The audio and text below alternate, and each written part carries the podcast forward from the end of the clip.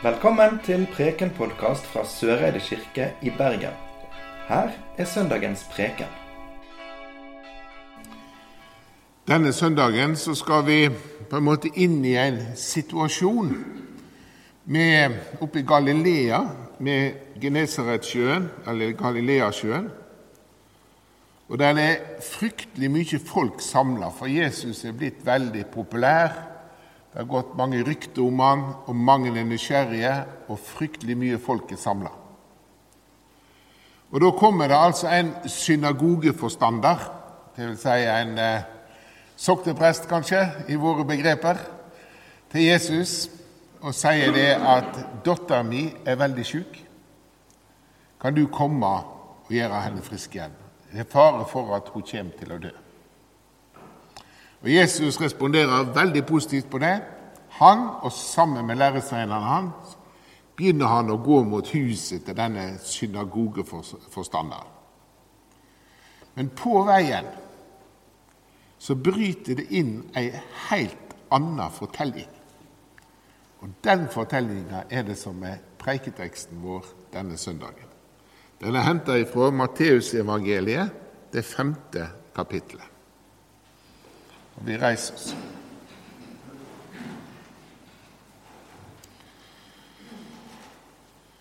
Det var ei kvinne der som hadde hatt blødninger i tolv år. Hun hadde lidd mye hos mange leger. Hun hadde brukt alt hun eide uten å få hjelp.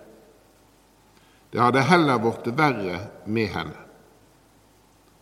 Hun hadde fått høre om Jesus, og nå kom hun bakanfra i folkemengda og rørte ved kappa hans. For hun tenkte om jeg så bare får ta tak i klærne hans, blir jeg frisk. Og da stansa blodet med en gang, og hun kjente det på seg at hun var lekt og kvitt plaga. Men med det samme kjente Jesus at det gikk ei kraft ut fra han, og han snudde seg i mengder og spurte:" Hvem var det som rørte ved klærne mine? Du ser hvordan folket trenger seg innpå deg, svarer læresveinene, og så spør du hvem som rørte ved deg. Men Jesus så seg om etter den som hadde gjort det, og kvinna var så redd at hun skalv, for hun visste hva som hadde hendt med henne. Nå kom hun og kasta seg ned for han og fortalte han alt som det var. Da sa han til henne, Trua di har frelst deg, dotter. Gå i fred, vær frisk og kvitt plaga di. Slik lyder det hellige evangeliet.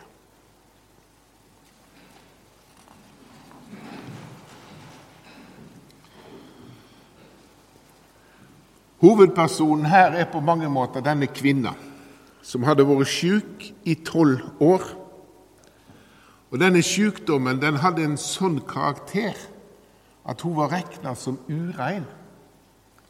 Og Det betydde at hun var avstengt på mange måter fra det å være sammen med andre mennesker. Ikke bare var hun plaga med en fæl sykdom, men hun var òg sosialt utestengt. Og så hadde hun hørt disse fortellingene om Jesus. Det er noen som hadde kommet til henne og fortalt om det de hadde sett og opplevd. Og ut fra disse fortellingene så tenkte hun at det var noe hun kunne gjøre. Noe som hadde vært gjort før, og som hadde hatt gode resultater. Tidligere i Markusevangeliet, to kapittel før, i kapittel tre, så kan vi lese om hvordan Jesus er der med folkemengdene sine i store flokker. Og for eksempel, Da sa han til læresveinene, det er oppe i Tyrus og Sidon, at de skulle holde en båt klar for han om folket skulle trenge hardt inn på ham. Og så står det for han lekte mange, så alle som hadde plager, trengte seg fram for å røre ved ham. Dette hadde trolig denne kvinna hørt, Og så trenger hun seg gjennom folkemengda og tar tak i kappa til Jesus. Og det var nok. Hun ble lekt. En sånn tanke om å gripe tak i eller holde fast i noe som er heilagt, for å bli frisk, ja, det er ikke noe ukjent fenomen. I tidligere tider så var det jo ikke uvanlig f.eks. her å dra til stavkirka i Røldal og røre med korset som hang der oppe, og folk ble friske. Og når jeg var prest i Hardanger, så forteller de om at de rydda loftet der oppe og fant hundrevis av krykker på loftet i Røldal av folk som hadde blitt helbreda for å røre ved krusifikset. Eller i mellomalderen så eh, samla jo folk på ikoner og ulike hellige gjenstander som de tenkte kunne helbrede folk. Og i vår tid ja, så kan vi jo bare se hva folk er villige til å betale for skjorta til Elvis Presley eller gitaren til Bob Dylan. De tror at disse gjenstandene på en måte representerer noe av auraen til de som har hatt dem, og som kan gi ekstra egenskaper. Men Jesus han reagerte annerledes på denne situasjonen enn det han hadde gjort tidligere, når noen hadde tatt tak i kappa hans og blitt friske. Han stopper opp, for han kjenner at noe skjer. Snur seg rundt i denne store folkemengda og spør hvem er det som tok i kappa mi. Og eh, de nærmeste læresveinene hans de skjønner ikke hva som skjer. De er fokusert på det opphavelige målet, som er datter til synagogeforstanderen som skal bli frisk. Han er en viktig person i lokalmiljøet. og Det er viktig at de kan gjøre frisk denne datteren. Å hefte seg med noen i denne trengselen som tar i kappa til Jesus, det oppfatter de som lite viktig. De bryr seg egentlig ikke om det. Læresveinene er veldig målretta. Men så blir det et møte mellom denne kvinna og Jesus hun som var utestengt, plaga av sykdom. Hun viste et mot til å gå for det hun trodde var rett. Og Når Jesus møter henne, så blir hun redd, kaster seg ned og innrømmer alt sammen. Og Hun møter Jesus med en ærlighet. Hun forteller hva som har skjedd, hva hun har gjort, og hvordan hun har tenkt. Og Så kommer sluttorda fra Jesus trua di har frelst deg. Å snakke om sånne helbredelsesfortellinger i Bibelen er ikke nødvendigvis like lett alltid. Eh, det kan sitte mange mennesker i kirka som har sykdommer som en ikke blir frisk fra. Og kanskje noen har opplevd at en har blitt bedt for, og så blir en ikke frisk likevel. Og noen som eh, f.eks. er født blinde eller med andre ting, det er ikke sikkert de vil bli annerledes, for det er sånn de er. Det er blitt en del av personligdommen deres. De har ikke det behovet for den type helbredelse. Og det Vi tror jo at ting kan skje. Vi har mange døme på det at folk blir friske. Og det som kanskje er aller mest kjent, er jo Snåsamannen, Joralf Gjerstad, når han levde. Hvor mange mennesker han kunne hjelpe, og hva slags overskrift han satte på det. Han snakket jo da om Gud som den krafta som gjorde folk friske. Men ikke alle blir friske. Og det var sånn på Jesu tid òg. Det var mange som ikke ble friske. Mange fortellinger om den ene som blir helbreda, og alle de andre som ikke blir det. Så jeg tenker at jeg vil være forsiktig på en måte med å lage noen sånne automatikk i det at Jesus bare helbreder mennesker. Men samtidig så tenker jeg at denne fortellingen den kan ha med seg noen sider, noen tråder, noen perspektiv som kan ha noe veldig konkret å si til oss som er samla til gudstjeneste her på Søreide denne søndagen. For det første denne kvinna kom ikke ut av det ukjente. Hun oppsøkte Jesus fordi det var noen som hadde delt fortellinger og erfaringer med henne. Noen hadde kommet til denne kvinna og sagt at 'vi har sett at Jesus har gjort noen friske'.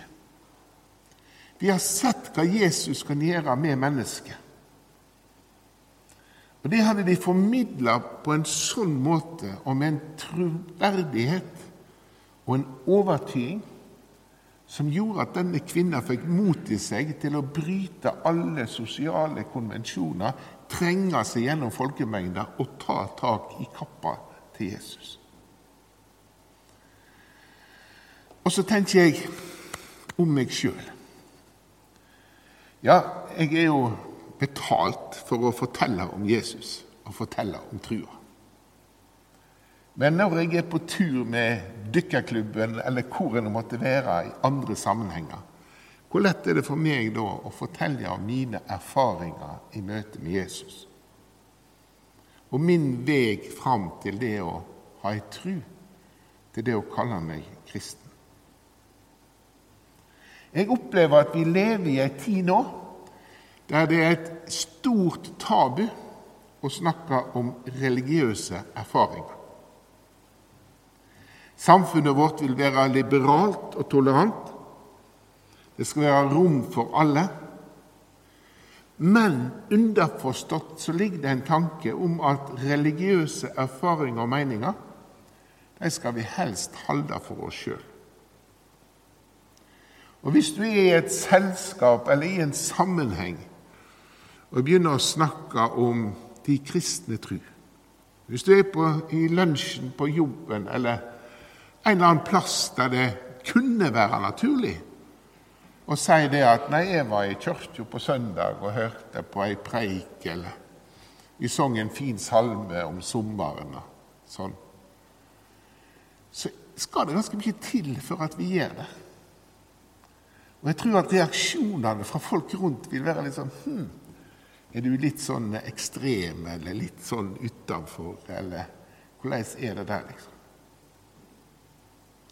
Men skal noen nye lære Jesus å kjenne? Skal noen nye få mot til å trenge gjennom folkemengder i vår tid? For å søke mot kjærleikens Gud, så må noen være villige til å fortelle om sine erfaringer, om sin tro,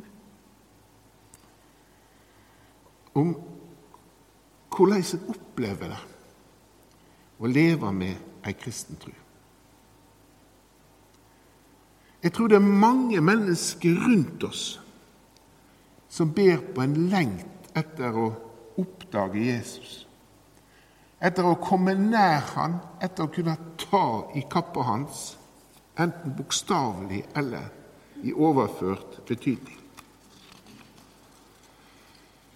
Vi veit at mange kjenner seg ensomme og utenfor. De ber på sorg og utfordringer i livet. Og vi som er samla til gudstjeneste, vi veit hvor henne vi kan finne kraft og trøst til å komme igjennom og til å leve med det som er utfordrende. Så bare i det bildet av denne kvinna som bryter seg gjennom folkemengder fordi noen har fortalt om Jesus, så ligger det en utfordring til oss. Og For det andre så tenker jeg at eh, nøkkelen her, det som virkelig får ting til å skje, det er når Jesus rører ved kappa til Jesus. Hun rører ikke engang sjøl med Jesus, men bare med kappa hans. Da får hun tilgang til ei kraft som gjør at hun blir frisk. Men hvordan skal vi kunne røre med Jesus?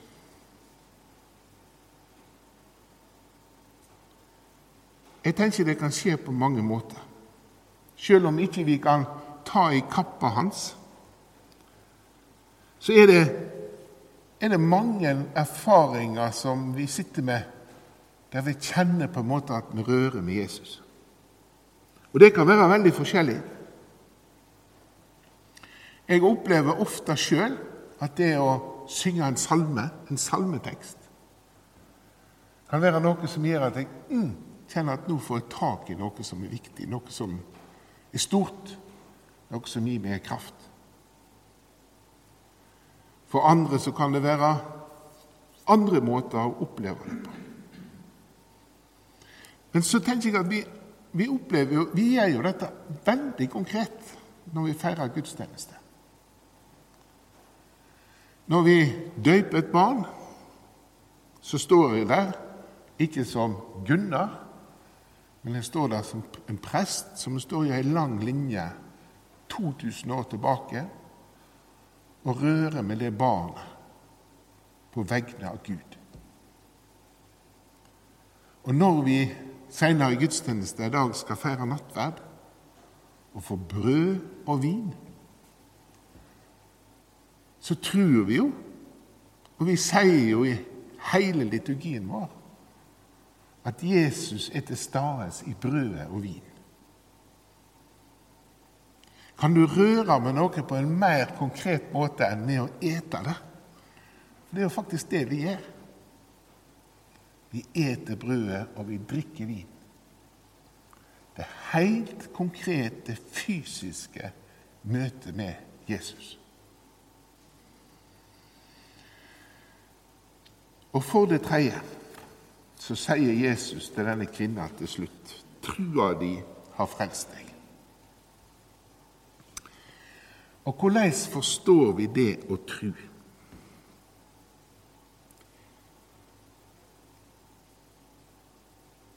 Tror du på Jesus? Tror du på Gud? For meg, når jeg får det spørsmålet Får det kanskje helst fra konfirmanter, eller sånn, men hvis jeg får det spørsmålet, så starter det en prosess inni meg som gjør at jeg begynner å tenke, jeg begynner å kjenne etter følelsene mine. Jeg nå liksom har en følelse av at dette er over, at dette er sant.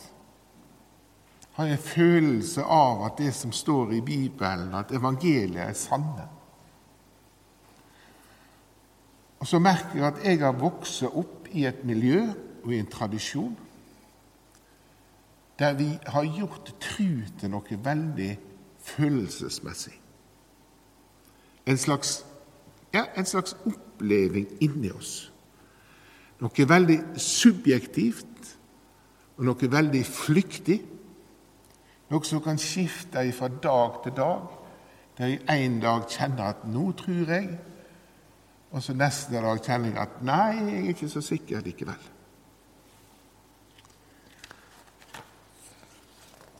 Var det slike spørsmål denne kvinna fikk? Nei, hun gjorde ikke det. Jesus spurte ikke denne kvinna sånn som en sportsjournalist ville spørre en som vinner en medalje i VM. Hva føler du nå? Jesus stilte ikke det spørsmålet.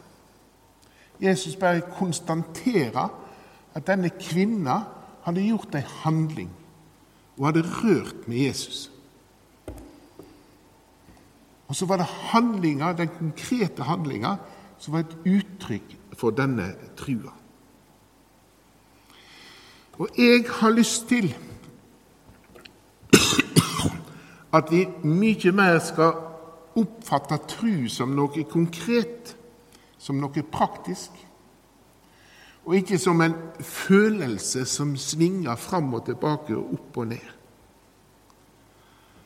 Tru, det er praksis. Det er å gjøre noe som en mener er riktig, som en, som en jeg veit er riktig å gjøre.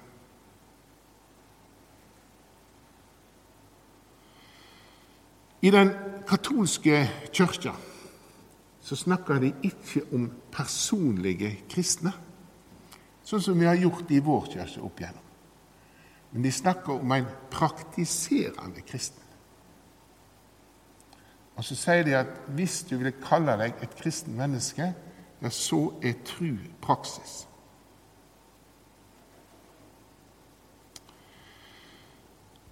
Og jeg tror at vi har mye å hente på det, som kirke og som menighet. At vi tenker om tru, at det, at det er praksis, at det er noe folk gjør. Hvert år så blir det blir 100 barn døpt som hører til Søreide menighet. På noen generasjoner siden så kunne en tro at dåpen det var bare en tradisjon. Det var noe de måtte gjøre. Men vi vet i vår tid at det er ingen som må døpe et barn. Men de unge foreldrene kommer til kirka. De vil at barnet skal bli døpt. De vil ta det på alvor. Og Hvis vi begynner å spørre etter og grave etter hos disse dåpsforeldra tror du nok, så mangler de ord for det. De mangler måter å si ting på. Men praksisen deres er kjempetydelig. De vil at barnet skal bli døpt, de vil at barnet skal bli oppdratt i den kristne forsakelse og tro. Jeg har ikke møtt noen jeg, som ikke vil det. Men hvis vi skal snakke om tru med dem, så blir det vanskelig. Fordi de, da er de inne i en sånn følelsesgreie. Og når dere har stått opp i dag, en søndagsmorgen, med passe dårlig vestlandsvær og gått på gudstjeneste, så er det et uttrykk for tru. Dere er her. Dere vil praktisere trua. Når vi leser i Bibelen, eller ber ei bønn, eller tenner et lys, eller nynner på en salme for oss sjøl i hverdagen, så er det uttrykk for tru. Når vi leser bibelfortellinger til barnebarna, så det er et uttrykk for tru. Jeg kunne lagt ei kjempelang liste. Jeg vil utfordre både meg sjøl og dere til å se på tru som noe praktisk. Tru er, å være kristen er å være praktiserende kristen. Og så at vi kan få lov å hvile litt fra disse følelsene våre som svinger sånn. En dag sånn, og en dag sånn, og en dag sånn. Og, og, og eh, Noen vil kanskje tenke at nå, eh, nå eh, snakker jeg imot Martin Luther, som sa 'trua aleine'. Det var liksom det var liksom det som var stikkordet. Nå skal vi huske på at Martin Luther han var en munk. Han, var opp i, han levde jo hele tidligere del av livet sitt i et kloster. Der de hadde tidebønner praksis hver en, mange, mange ganger om dagen. Det som var hans poeng, det var jo det at hvis du ba i tidebønn, så, måtte, så, så ville han at du skulle mene det du gjorde. Men han var jo aldri for at vi skulle avskaffe all praksis. Tvert imot. Han lagde jo veldig konkrete liturgier for hva du skulle gjøre hver morgen når du våkna, og hver kveld før du la deg. Og det, var, og det var ikke nok snakk om føleri og sånne ting. Nei, du skulle praktisere det. Tegne det med korstegnet og be Fader vår før du la deg til å sove om kvelden. Og når du sto opp om morgenen, skulle du tegne korstegnet og takke Gud for den nye dagen. Veldig konkrete ting. Og det tenker jeg, det kan vi, det kan vi gjøre. Det er enkelt. Det er praksis. Og det er uttrykk for tru. Og fra en som sa 'trua aleine'.